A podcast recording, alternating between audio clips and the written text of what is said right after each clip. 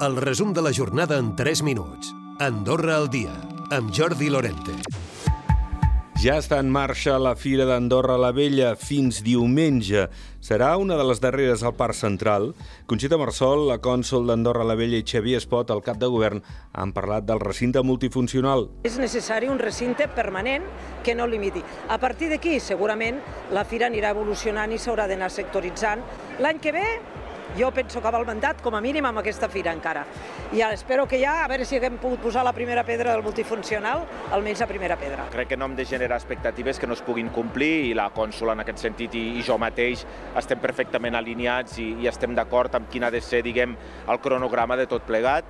Nosaltres hem de deixar les coses eh, suficientment embastades d'aquí a finals de la legislatura. Air Nostrum continuarà operant en els vols en Madrid. La filial d'Iberia ha estat l'única aerolínia a presentar-se a la concessió.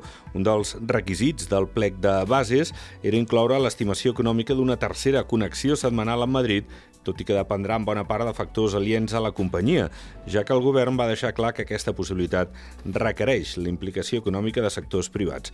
S'analitzarà també una nova ruta, probablement en Palma de Mallorca, de cara a la primavera i continua la negociació amb la Unió Europea en aquest 2022 a Brussel·les. Sisena ronda de trobades. Sobre la taula ha estat la lliure circulació de persones i el dret del treball.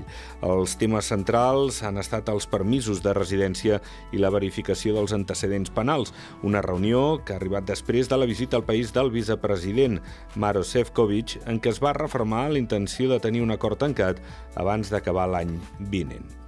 A la seu d'Urgell han buscat feina un centenar de treballadors aquest divendres. Han fet una trobada amb empreses de l'Alt Urgell i també una vintena d'Andorra que han estat buscant treball. En parlen alguns d'aquests treballadors. Pues he dejado de todo un poco, está muy bien, nunca lo había hecho esto, pero la verdad que una buena experiencia. Administrativo, yo tengo grado en Administración y Relaciones Internacionales y hay algunas empresas aquí que tienen oportunidades muy buenas para personas como yo. No, no havia vingut mai. M'ha cridat l'atenció bastant que siguin com tantes taules de diferents empreses, però està bastant bé. I la patronal creu que la quota temporal d'estiu de treballadors haurà d'ampliar-se a altres sectors, a més de l'hoteleria.